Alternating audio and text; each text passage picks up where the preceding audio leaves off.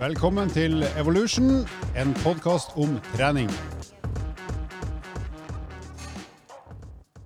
Hei, hei, hei, og velkommen til en ny runde med Evolution. I eh, denne episoden her så har vi fokus på styrketrening. og Grunnen til det er selvfølgelig at styrketrening er bra, men også at vi er inne i noe som kalles for styrkeuka, der både bransjen og Helsedirektoratet ønsker å ha et fokus på styrketrening og vise hvor enkelt og kurant det er å få trent nok styrke til å bli litt sterkere. Så vi har en hashtag som er hverdagssterk, og så har vi styrkeuka som hashtag, som du sannsynligvis kommer til å se litt rundt omkring i eh, treningsmedier utover i uka, og i sikkert noen dager etter det også. Men før vi snakker om styrketrening eh, og svarer på spørsmål fra lytterne, masse gode spørsmål om styrketrening, så eh, tar vi en liten runde rundt bordet. Og vi begynner da med han som har løpt ganske fort i det siste. Andreas. Ja, jeg har uh, styrketrena hjertet. Nei, jeg trente faktisk uh, styrke her uh, på tampen av uh, forrige uke. Jeg um, Tampen, var det det fredag? Ja, det var fredag. jeg tok meg sjøl i det. at Det var jo ikke på tampen. Nei, jeg har vært i Trondheim i helga og, og forelest for nye studenter som skal bli personlige trenere. Og på vei oppover til Trondheim så tok jeg meg faktisk tida til å dra innom på SAS-lunsjen og testa treningssenteret der. For der har Sats et lite treningsrom. Og det fungerte utmerket, det. Jeg Heter det Sats SAS? SAS-sats. Ja, det er sånt det burde kanskje hete. Bra, bra, bra. Nei, så jeg var innom der og fikk, fikk, trent litt styrke. Jeg trente jo mye styrke tidligere, ikke så mye nå om dagen, selv om det blir én til to økter i uka. Så da, der var det mer enn nok utstyr til å få gjennomført en god økt. Og det er litt morsomt å, å trene, for du har veldig god utsikt utover flyplassen i tillegg. Ja, For du er opptatt av utsikt du når du trener? Eh, ikke når jeg løper, men eh, når, jeg trener styrke, så har jeg veldig god tid til å se på utsikten, for da har jeg gode pauser. Eh, ja, ellers har det blitt litt eh, løping. Men eh, Trondheim var bra. De studentene jeg hadde der, var veldig flinke. Og det, det er jo alltid, alltid, godt å se at, eh, at det gror bra i, i, treningsbransjen, og at de som på en måte kommer til etter oss, er at de er engasjert og at de er interessert. Og, og det vi òg ser, er jo en tendens til at uh, treningsbransjen sakte, men sikkert uh, blir profesjonalisert. De som kommer nå, de, de, er mer innforstått med hva som kreves for at de skal kunne levere et, uh, et godt produkt til, til, de som er medlemmer på ulike treningssentre. De, de, som kommer etter oss, er proff, i motsetning til oss. ja. Vi har, brukt, vi har brukt mange, mange år på å komme dit vi er.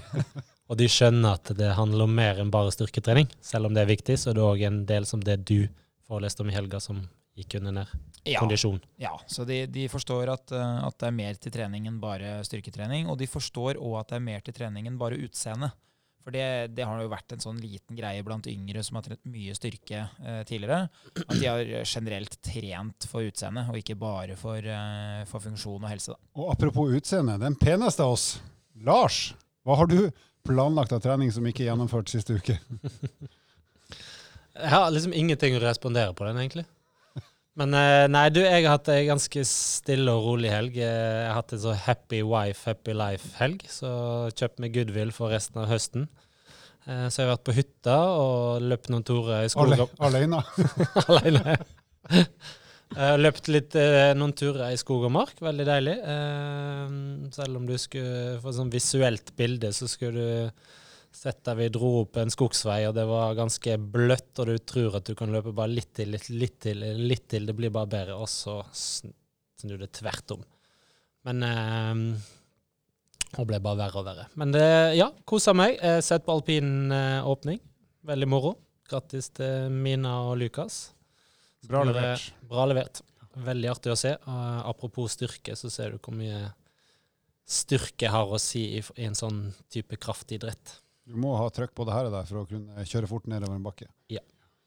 Bra. Og min mi uke, eller mine dager siden sist, uh, består i at nå har jeg starta et nytt uh, treningsprosjekt på sykkel, så nå skal jeg ha ti knallharde økter, ikke bare harde økter, så skal jeg se om det gir resultat. Resultatet av forrige, forrige, runde for min del det var jo at jeg ble 0,1 bedre til å sykle. Så nå skal vi se om jeg kanskje kan komme opp på 0,2% forbedring. Og da har jeg fortsatt et stykke igjen før jeg stanger hodet i taket. Men det er spennende. Så jeg skal trene ti harde økter på to uker, og så får vi se hvordan det går. Og de øktene skal være knallharde. Rett og slett.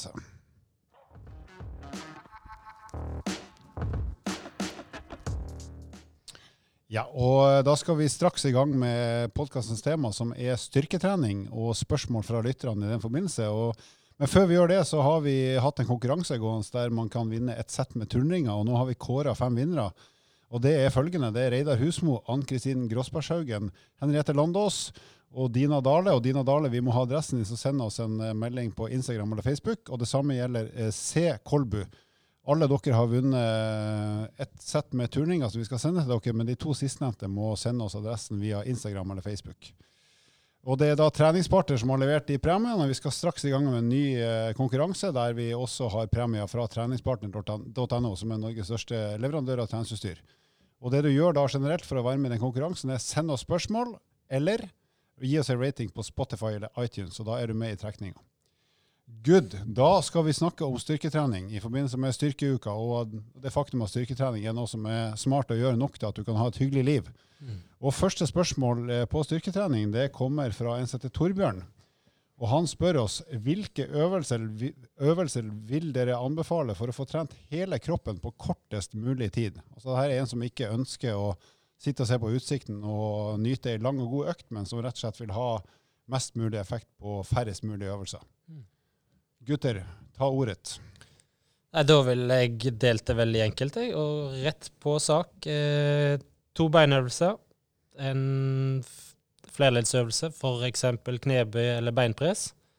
Hvis du skal ha to alternativ, en litt mer teknisk krevende, og en for eh, de som ikke er så kjent med styrketrening, og som ikke krever så mye teknisk fokus og te eh, oppfølging. Eh, og så en øvelse for bakside lår. Og da Sittende lårcurl, f.eks., eh, som et alternativ eh, som ikke krever så mye teknikk. Eventuelt en eh, strake markløp, f.eks., som skrever litt mer med bruk av stang. Eh, to øvelser for overkropp. En pressøvelse. Jeg er jo veldig glad i pushups. Mm. Eh, vet det du òg, Halvor? Takk. Ja, det vet jeg Andreas òg er, spesielt når han skal på stranda. Eh, eventuelt som en enkel øvelse som man kan gjøre hvor som helst og med lite plass. Eh, et alternativ kan være brystpress, som er apparat, som ikke krever så mye teknikk og så mye eh, fokus. og så en trekkøvelse. jeg er veldig glad i stående roing, som krever litt kjernestabilitet i overkroppen. så fremoverlent stående roing som en øvelse med, med som krever litt mer teknikk, og så en sittende roingapparat, som er et fint alternativ for de som ikke har eh, teknikken til å kjøre stående roing. Og sånn røftlig, hvor mange repetisjoner skal han eh, Torbjørn ha før han tar pause, og hvor mange serier sånn røftlig per øvelse? Altså, vi legger opp til at du selvfølgelig ikke, eller i utgangspunktet kanskje ikke har trent så mye, men også skal ha en styrkefremgang, men òg en, en muskulær utholdenhetsfremgang. Så et sted mellom 8 og 15 repetisjoner. Eh, gjerne sånn at du har et par stykk reserve, eh, eller reps i reserve, som vi snakka litt om på intensitet sist. Mm. Eh, og tre sett, f.eks., med ca. et minutt pause mellom hvert sett. Og hvis tida kniper og han tenker at det her har jeg ikke tid til, så ta kanskje bare to serier per øvelse. Ja. Bare for å spare litt tid. Spare litt tid, og eventuelt kutte ned litt på pausene imellom. Ja. Så det er effektiv, tidseffektiv økt, men òg veldig eh, bra økt i forhold til å sette av en halvtime, 40 minutter med en lett oppvarming. Ja, bra. Da tar vi nytt spørsmål. Det er fra hun Anette. Hun spør hvordan kan man trene styrke uten å være på treningssenter, dvs. Si hjemme eller ute? Og hvilke øvelser vil dere anbefale da for type hjemme- eller utetrening? Og Da kan vi jo spørre mannen med den peneste sveisen i dag, nemlig Halvor. Nei, Andreas var det. Vær så god. Uh, trening av styrke uten treningssenter, det går jo ikke. Det er ikke mulig, det. Har ikke brystpress. Styrketreningssenter. Uh, nei, det lar seg fint uh, gjøre. Det det handler om i stor grad når du skal trene hjemme, det er jo å finne fram de øvelsene som, som faktisk gir nok motstand til at det blir treningseffekt. Eh, et spørsmål jeg ofte får av eh, PT-kunder, det er jo eh, ja, er det mulig å egentlig bli sterk uten, uten å dra på treningssenteret. Og da prøver jeg å forklare at treningssenter det er bare et sted hvor ting er lagt til rette for at du skal kunne enklest mulig gjøre ting litt tyngre hver eneste uke. Så det er ikke noe problem å trene hjemme. Det man må velge da, er jo øvelser man er sterk nok til å gjøre, men som òg er tunge nok til å gi effekt. Og det vanligste er jo å bruke egen vekt, altså kroppsvekta di, som, som en slags motstand. Og som Lars var inne på i stad, da handler det jo om å finne eh, øvelser som trener de store muskelgruppene. Sånn at det faktisk er eh, musklene dine som blir sterkere, og at det ikke bare er veldig vanskelig å gjøre bevegelsen som du driver på med. Så mitt tips er jo å prøve å gjøre det enkelt. Det er jo en grunn til at man ofte kjenner noen øvelser bedre enn andre, og det er nok fordi at de òg er eh, mer effektive og enklere å velge. Så f.eks. Eh, knebøy uten vekt, eh, gående utfall, eh, kanskje noe spensthopp f.eks. Eh, pushups. Uh, og at man har noen sånne øvelser som trener uh, mage, rygg. Uh, F.eks. sånn firefotstående diagonalhev. Sånn typisk sånn skiøvelse når man står på alle fire og strekker ut både arm og bein. Alle armer og alle bein? eller, hit, eller Hitlerhund, som han nå heter. Downward dog.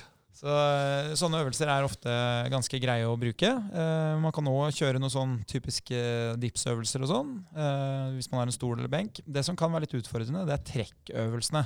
Det er å få trent eh, de musklene som, som, sitter på ryggen. Det er, det er, ofte det som kan være litt utfordrende. Så man trenger ikke mye motstand, men når man har en, eh, en strikk, eller om man har eh, et eller annet med litt vekt, f.eks. en flaske eller en bøtte med noe vann i, eller noe sånt, så kan du gjerne gjøre en del sånne roøvelser.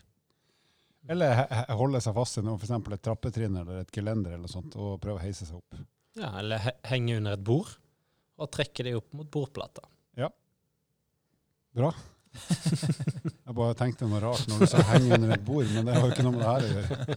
Det finnes også andre ting man kan holde seg fast i, men det skal ikke nevnes her. En liten digresjon der er jo at den scenario, eller det scenarioet der med lite utstyr og treningssenter er jo det jeg har sagt før, at alpinistene f.eks., toppidrettsutøvere, ofte opplever når man er ute på tur ute i Europa og ikke har så mye tilgjengelig utstyr. Man må være litt kreativ, og man får likevel trent gjennom hele kroppen hvis det er det som er målet, og ikke minst får nok belastning. Og når jeg sier nok belastning, så er det litt det Andreas er inne på, og det er i stor, størst mulig grad for de som kanskje er litt bedre trent, så det handler om bevegelseshastigheten. Mm. Her går det eksplosive, som han var inne på, i forhold til spensthopp, om man kan kjøre hoppende eller eksplosive knebøy med hopp, f.eks., eller bulgarsk utfall med hopp, eksplosive pushups osv. osv. Hva er, hva er bulgarske utfall? Du må forklare. Ja, det, ja, eller Bulgarian split squat, f.eks. Eh, men det er med ene foten eh, elevert, eller den bakre foten elevert oppå en benk eller oppå en forhøyning f.eks., for som òg blir omtalt. Eller en splittbøy med bakre fot levert for å treffe de som er treningsfaglig. Fins det polske utfall? Eh, eller belgiske utfall, som hun sier hun, hun hjemme hos meg. Hun krysser belgiske vafler og, bel og bulgarske utfall.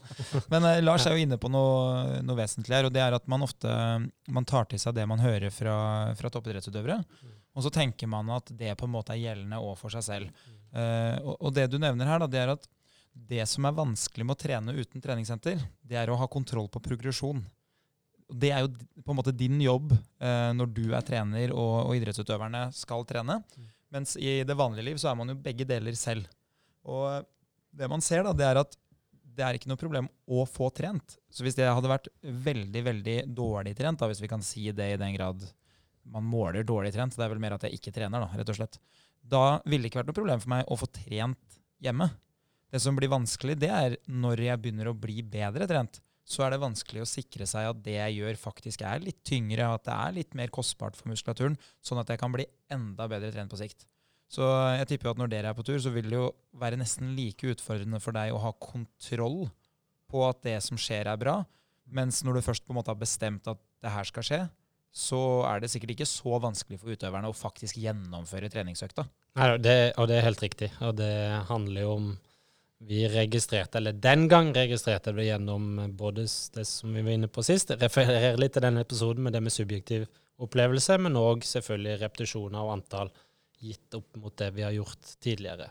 Og så er det den eh, subjektive tilbakemeldingen i forhold til hva de registrerer i forhold til hvordan vi kan måle den eventuelle fremgangen. Ja, og det er jo da sant, du får de, de utfordringene med er 20 pushups, er det tyngre eller lettere enn 10 benkpress med vekt, f.eks.? Og det er jo der eh, du på en måte er veldig mye bedre kvalifisert enn veldig mange andre. Da, for der kan du eh, ha styringa på hva som er fornuftig og hva som er neste steg. Mm. Mens eh, de som har eh, ganske mye mindre erfaring med trening, de, de, vil jo på en måte ikke kunne styre intensitet og belastning på den måten.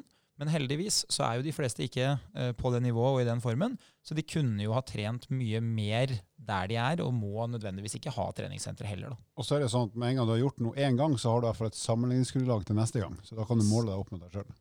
Og så handler det igjen, det er helt riktig det du sier, og det går tilbake til hva man har satt som mål. Og jeg tror vi treffer veldig mange på de tingene her. Bra. Da har vi et eh, spørsmål fra Sigrid. Hun spør hva er den mest effektive øvelsen for å trene rumpe og lår, og hvordan kan jeg trene dette både på treningssenter og hjemme? For Hun skriver da at hun av og til ikke har tid til å trene på senter, og så er det litt korona her og der, så det er ikke alltid hun får eh, stukket innom treningssenter. Og Da spør vi mannen med mest kompetanse på setemuskulatur, Lars. Hva skal hun gjøre på treningssenter og hjemme? Eh, da begynner vi på treningssenter. Ja. Eh, og annet på våre EVO-senter så har vi nå nesten alle senter med bootybilde, f.eks., som et alternativ. Um, som er en veldig fin øvelse. Det vil si det er en fin, uh, fin øvelse som aktiverer baksida, altså setemuskulatur med baksidelår. En full ekstensjon av hofta, der du har enten et apparat, eventuelt en stang over hofta, og ligger på en benk eller på en forhøyning med skuldre nakke, og løfte opp ved eh, hofta ved å knipe setemuskulaturen. Eh, Det er en veldig fin øvelse på, på, på treningssenter. Man kan òg igjen eh, kanskje ha en øvelse som som, som, som knebøy. Eh, som er en veldig fint alternativ. Eh, man kan òg kjøre noen unilaterale øvelser, som vi, som vi omtaler enfotsøvelser. Ja.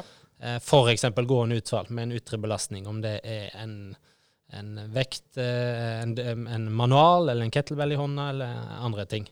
Og de, de øvelsene her, da får du det vi kaller store leddutslag. Så det blir, det blir store bevegelser i, i hofteledda som hun er ute etter. Ja, Og flere leddsøvelser. Helt Ja. riktig. Eh, hjemme så, så faller jeg tilbake på den vi diskuterte litt i sted. Altså det jeg kaller det eh, bulgarsk utfall, eller splittbøy med bakre fot, eller vert. Eh, ved å ha foten oppå noe bak, og bøye da i kneet og reise seg opp igjen, eller løfte seg opp igjen. Som et veldig fint alternativ. Eh, eventuelt gående utfall eh, der òg. Eh, eventuelt hoftehev, men da med énfots hoftehev. Altså liggende på ryggen med bøyd kne, ca. 90 grader, og så har den andre foten helt strak, og så er det å løfte opp hofta ved å bruke bakside lårsete og ekstendere i hofta der for å få kontakt. Der har jeg en, eh, I tillegg til det, så tenk, eh, eh, det å gå, i, ta lange steg i trapp, kan også være en det er jo egentlig et slags utfall, men det er også en ganske fin og skånsom måte å trene sete og lår på. Mm. Du skal helst ha en ganske lang trapp, da. Men, Ja. Eller hoppe i trapp. Det er jo egentlig det vi har snakket om før, men da hopper du jo strekker du ut, men samtidig så må du oppover, så du får litt ekstra kraft. Ja, eller alternativ til den, altså step up, og så ha en forhøyning, en benk eller en, en mur eller andre ting, og kjøre enfots opp og ned. Da har vi et uh, spørsmål som jeg tror han uh, unge, raske Skjetne er god til å svare på. Det er fra Andrine. Hun spør hvor stor fremgang kan jeg forvente hvis jeg ikke har trent styrke på lang tid? Har hun skrevet mer enn det, men da tipper jeg at det kanskje kan være 6-12-18 måneder siden hun har trent, så det hun begynner kanskje litt på nytt igjen. Hva kan hun forvente seg? Uh, vi kan jo si det sånn at kriteriene for å få mest mulig fremgang på kort tid, det er gjerne at du aldri noen gang har gjort noe som helst. Da, da har du et veldig godt ut... Jeg pleier å si det på tull til nye kunder som er nervøse for at de, at de på en måte skal bli avslørt for at de har dårlig form. Så sier jeg vi har et fryktelig godt utgangspunkt for å bli gode her. Ja, i hvert fall bedre. Eller bedre, som, jeg, som jeg pakker det inn uh, i. Uh, det andre kriteriet for å få veldig veldig god framgang på kort tid, det er jo at du har trent veldig mye, men har hatt et veldig langt avbrekk. For da har kroppen din eh, lært seg hva som egentlig er jobben. Og det er jo en utfordring vi ser hos de som er helt helt utrente, at det tar litt tid å lære de å trene. Eh, de får jo utnytta mer av muskulaturen som de faktisk har, som de ikke har brukt. Men det kan også være litt sånn keitete å bli en del sterkere, fordi øvelsene er såpass ukjente, og kroppen trenger tilvenning, og det skjer over tid. Men sånn, ja, eh, rent praktisk så, så ser man jo sånn erfaringsmessig at utrente de kan gjerne doble styrken sin da, i løpet av en ti ukers treningsperiode. Så det betyr at hvis du eh, kanskje klarer si én repetisjon med en vektstang på ryggen, da, og hvis vi bruker de vanlige store vektstengene, så veier de 20 kg. Så ti uker etterpå så kan du fint kjøre i hvert fall én repetisjon med 40 kg. Kanskje du faktisk klarer mer òg. Eh, og så kan man jo diskutere hvorvidt man har en, en 100 forbedring eh, i styrke. Det har man nok neppe. Men det man har, er jo en, en type tilvenning der hvor eh, den muskulaturen du har, den eh, får du lov å bruke litt mer av. Altså muskelcellene blir litt mer villige til å bli med på den, eh, den jobben som du ber de om å gjøre. Og, og det som er fordelen da, er jo at når du har blitt såpass mye sterkere, så vil òg den belastninga som du får av treninga fremover, gi bedre effekt. For det, det, ser man jo hos mange som trener litt sånn moderat og litt av og på, at det er jo først når de er i god flyt at de klarer å skape nok belastning til å bli enda bedre. Det holder liksom ikke å sporadisk trene. Så, sånn røftlig, hvor, eh, hvor, mye må hun trene per uke da, for å kunne få en ganske heftig framgang, gitt at hun ikke er i kanonslag nå? Er det sånn én gang i uka per muskelgruppe, eller, eller mer? Eh, jeg har jo hatt eh, mange ulike kunder. Så det blir jo Man kan nesten kalle det at man har liksom ulike case studies. da. Man ser på én person, og så ser man hva som skjer. Og så kan man trekke litt uh, sånne vage konklusjoner uh, basert på at man har sett flere. Og en av de tingene som jeg har sett, er jo at uh, selv hos de kundene som trener én gang i uka hos meg, og som ikke trener noe ved siden av, de blir veldig, veldig mye sterkere. eneste forskjellen er jo at hvis du trener én gang i uka, så må du nødvendigvis ha ti uker for å få ti treningsøkter. Og, og vi må trene for å bli bedre. Eh, men det som er viktig da, når man først trener den ene gangen, det er at belastninga er høy nok. Og at du er trener. Ja, altså Man kan jo Satt det litt på spissen, så, så er nok et av kriteriene at faktisk eh, en trener er trener. Mm. Fordi jeg vet hvor mye belastning og hvilken utvikling de bør ha for at vi kan ha ti optimale treningsøkter. Ikke at vi har fem økter som egentlig er ganske like. Eh, og et annet kriterium som må til, det er nok belastning. Og f.eks. da øvelsesutvalget, hvis vi skal bli sterkere i beina, så kan det hende at i økt én så holder det med bare knebøy. Men så vet jeg at når vi begynner å komme inn i økt fem og seks og syv, så tåler beinmuskulaturen eh, litt mer belastning. Og da må man gjerne kanskje ha litt eh, gående utfall eller litt beinpress for å, for å komme etter med nok eh, volum. da. Så én gang i uka holder til å bli sterkere. Det er ikke sånn at én gang i uka er kun til for vedlikehold. Men jeg er jo helt sikker på at hvis man hvis man ser på hva man får igjen, og, og, hva man ønsker å utrette når man trener Så hvis du trener to til tre ganger i uka, da vil du få på en måte den optimale fremgangen. Da vil du bli veldig mye bedre hver gang, men du er også helt sikker på at du er uthvilt hver gang du trener. For hvis du trener mer enn det hvis du trener fem-seks ganger i uka, da må du begynne å ha litt peiling på hva du driver med. For hvis ikke så vil du ende opp med at du blir så sliten hvis du gjør mye av det samme. Så én gang i uka er minimum for å bli sterkere, det er jo bankers. Og, og, to ganger i uka, da kan du være helt sikker på at du blir sterkere. Og, og tre ganger i uka også det samme. Så sånn uh, veldig banalt sagt, annenhver dag, da, da, skjer det mye. Og hver tredje dag vil også gi gode resultat for en som ikke har trent på en stund. Ja, så uh, hvis du trener styrke, så jo færre ganger du trener, jo mer nøye må du være på at det du gjør er tungt nok. Mens hvis du trener veldig mye, da kan du egentlig lukke øya. Sånn at hvis du hadde dratt på treningssenteret og trent styrke én time hver dag hele uka, da, da, hadde du hatt muligheter til å, til å, gjøre så mye rart og fortsatt bli bedre hele tida. For da er volumet til stede. Men skal du trene én gang i uka, sørg for at uh, man trener store muskelgrupper, sånn som Lars var inne på i stad. Og, og, sørg for at det blir tungt nok. Skriv ned hva du gjorde, og sørg for at det blir tyngre neste uke på en eller annen måte. Ja. Da har vi spørsmål fra Peder. Han eh, skriver at han syns eh, styrketrening er litt kjedelig og liker best å løpe. Eh, men så sier han også hvis jeg skal trene litt styrke, hva bør jeg trene uten at det ødelegger for løpingen? Og hvis jeg skal komme med en liten innledning, så ville jeg jo tenkt at litt av den styrketreninga jeg gjør, kan jeg prøve å gjøre for å faktisk bli bedre i løping også, ikke bare for å, gjøre noe han tror han ikke trenger. Så det kan være et utgangspunkt å få de musklene du bruker i løpinga til å bli litt sterkere, da typisk legger og sete og bakside lår. Eh, men har vi noen tips på hva slags øvelser som kan fungere for det formålet, og eventuelt også om man trenger å styrke litt mage, rygg og andre ting? Uh, det som er litt morsomt, da, det er at når jeg hadde utholdenhet på lørdag for nye studenter, så selv om vi snakker om at uh, de er i utvikling og at de forstår at det fins mer til trening enn bare styrketrening, så fins det fortsatt mange som er livredd for at utholdenhetstrening skal ødelegge for uh, muskulaturen og for styrketreninga. Det er jo et levende bevis på. ja. Så, så, derfor, så, ja. derfor, så, må jeg ofte holde sånn forsvarstale for utholdenhetstrening. Og det er jo egentlig det vi snakker om her. Da. Hvilken påvirkning vil, vil annen type trening ha på den treninga du driver med i dag? Og det som kan være smart hvis du skal innføre styrketrening, hos en løper eller hos en utholdenhetstrenende, så start så rolig at den belastninga som du får i de første øktene, er noe du lett tåler. Og så kan du heller bygge opp belastninga over tid, sånn at du hele tida på en måte sikrer deg at de øktene med utholdenhet du har, de kan være like harde eller hardere. For hvis du klinker til med styrketrening, så vil du jo selvfølgelig få eh, den responsen alle får. Da vil du bli eh, mye mer sliten. Muskulaturen blir, blir veldig mye mer belasta, og da vil du jo prestere dårligere i utholdenhetsidretten, i hvert fall på kort sikt. Men valg av øvelser, da ville jeg tenkt at eh, jeg skal i hvert fall få trent overkroppen litt, for den brukes jo ikke i stor grad når man løper. Men jeg ville også tenkt at hvis beina mine skal tåle mer og mer løping, så ville jeg tenkt at det er veldig dumt hvis den tøffeste belastninga beina mine får, er på de lengste øktene hvor gjentagelsen av bevegelsen er veldig lang, da, så det er veldig høyt volum. Så, så, hvis du sier at du tåler å løpe både 20 og 30 km, og du øker farta og blir i bedre form hver uke, så er det på en måte maksløftet ditt òg. Så, så, jeg ville tenkt at ok, jeg skal ha med litt knebøy, eh, kanskje bitte litt utfall. Eh, så ville jeg trent eh, baksida av beina litt òg. Jeg ville hatt eh, strakmark og noen legger.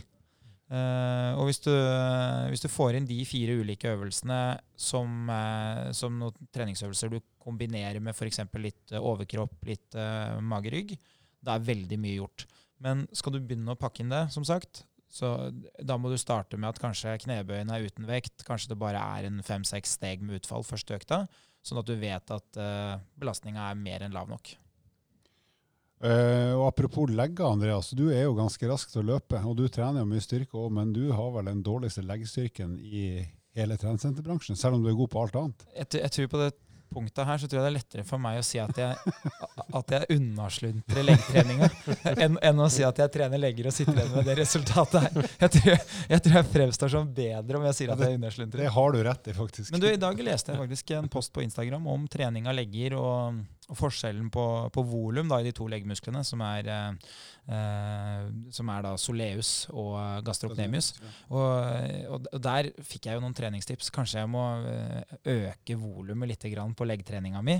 Og, og, kanskje jeg må se litt på vinkelen på, på beina når jeg gjør tåhev. Jeg tror ikke det er der problemet ligger. Nei, jeg, sånn. jeg, tror ikke det. fordi jeg, jeg, tror Et av kriteriene her tror jeg er jeg må gjøre tåhev. jeg tror du skulle valgt noen andre foreldre først. Altså, Du ser jo ut som en kenyaner fra kneskåla og ned. Til, til mitt forsvar, da, så det, Faren min har veldig svære legger. Og det betyr at postmann, han var løper. jeg, men jeg bare skyter inn. Altså, jeg likte spørsmålet til Peder, for det, jeg kjenner meg litt igjen i den akkurat nå. Det, man kan jo trekke det Jeg liker ikke eh, eh, Hva heter det? Eh, forebyggende arbeid, men mer prestasjonsfremmende arbeid, for det er jo det man egentlig bør tenke. Eventuelt rent løpsspesifikk ved å bruke de øvelsene som, som Andreas eh, forespeiler. Så det er bra. Bra. Da har vi et siste spørsmål fra C. Kolbu. og Du har for øvrig også vunnet et sett med eh, eh, turnringer, så du må sende oss adressen din, eh, Kolbu. Og det du spør om er hvorfor bør man følge et treningsprogram? Jeg vil ikke bli låst til et fast opplegg, men har alltid en liten plan for meg selv, men ender ofte opp med litt tilfeldige øvelser likevel. Så han spør egentlig kan jeg lage et treningsprogram til meg selv, og i så fall hvordan bør jeg legge det opp for å da bli sterkere. Eh, så kan vi gi han, han eller hun noen tips på hvordan man kan tenke sitt eget treningsopplegg for å sikre at man måtte trene sånn at man blir sterkere og bedre, og ikke bare gjør litt av det samme litt tilfeldig hver gang. Ja, eh, jeg tenkte litt nå, og da, hvis jeg begynner med å bruke applikasjoner, som det finnes veldig mange av, eh, og hente litt inspirasjon og ikke minst kunnskap, for det er jo det vi ser ute på treningssenteret nå. Jeg opplever òg, både i jobben som foreleser, som eh, begge dere andre to er, eh, er jo at kunnskapen generelt om både styrketrening, kondisjon, trening er litt lav der ute. Og spesielt når man er ute på treningssentrene òg blant våre kunder og medlemmer. Eh, så å bruke av applikasjoner som, som, som et verk, hjelpemiddel til å bygge sitt eget treningsprogram, tror jeg kan være veldig smart i en, i fall en begynnelsesfase. Så får man heller få litt hjelp av f.eks. en fagperson som en personlig trener på sikt til å se over opplegget og kanskje òg sikre at den eh, fremgangen som man ønsker seg, eh, kommer. Hvilke og, applikasjoner er det som f.eks. kan funke? Eh, nei, jeg har ikke brukt så mange av de applikasjonene, men, eh, men vi har jo noen verktøy som My Workout f.eks. er et, et, alternativ som har eh, bygd på det fire ganger fire-prinsippet til, eh, til, de NTNU-forskerne Helgerud og Hoff, eh, som går òg på den daglige aktiviteten, altså både kondisjon og styrke, som er veldig, veldig viktig. Eh, så har vi noe som heter Abel, som er ganske nytt. Det er jo et PT-verktøy, men som også fungerer for PT-kunder og enkeltpersoner. Ja, absolutt. Har, det har vi testa litt i EVO, som er kjempebra. Eh, der man får veldig mye inspirasjon i forhold til hvilke øvelser man kan velge, og ikke minst hvordan utføre de teknisk riktig. For det er jo en viktig del av det å trene styrke, som krever litt mer fokus.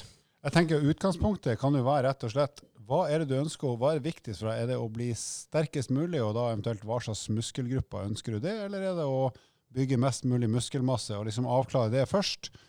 Uh, og så må jo treninga på en måte følge, følge den målsettinga som betyr mest for deg. Så hvis du trener da to til tre ganger i uka, som vi snakka om i stad, så er jo det nok til at du skal kunne få ganske god framgang uh, ganske lenge. Uh, og hvis du da i utgangspunktet er ute etter å bli sterkere, så, som vi snakka litt om i intensitetsepisoden, så, så, må du rett og slett etter hvert løfte ganske tungt, og så tungt at du ikke kan løfte så mange repetisjoner. Og ha relativt lange pauser mellom hver serie for å klare å, å gjenta den tunge belastninga. Eh, og at det blir den sentrale delen av treninga di, i hvert fall i de muskelgruppene og leddene du ønsker å bli sterkere i.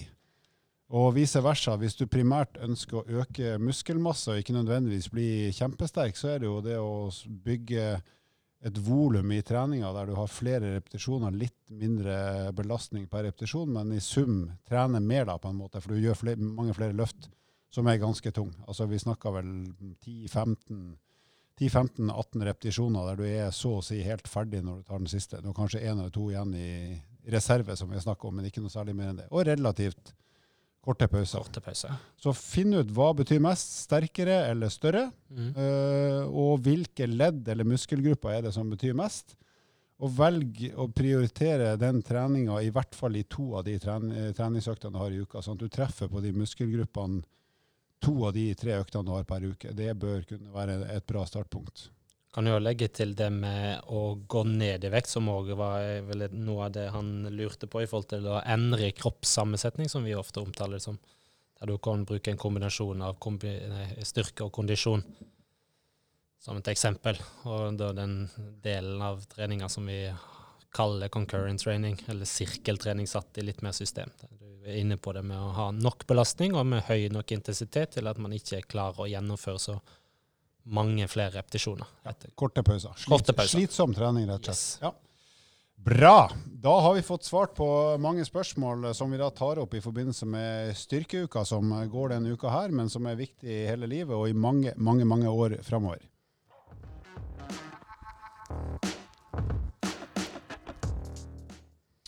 Da er vi kommet til eh, fun fact, og vi har jo snakka om styrketrening. Vi har ikke snakka så mye om mat, i og med at det ikke var fokus. Men denne episodens fun fact det handler om en som heter Phil Heath, som er sju ganger Mr. Olympia. Det betyr at han har vært eh, best i å kjempe, se kjempestor og sterk ut, og det er han jo for så vidt også.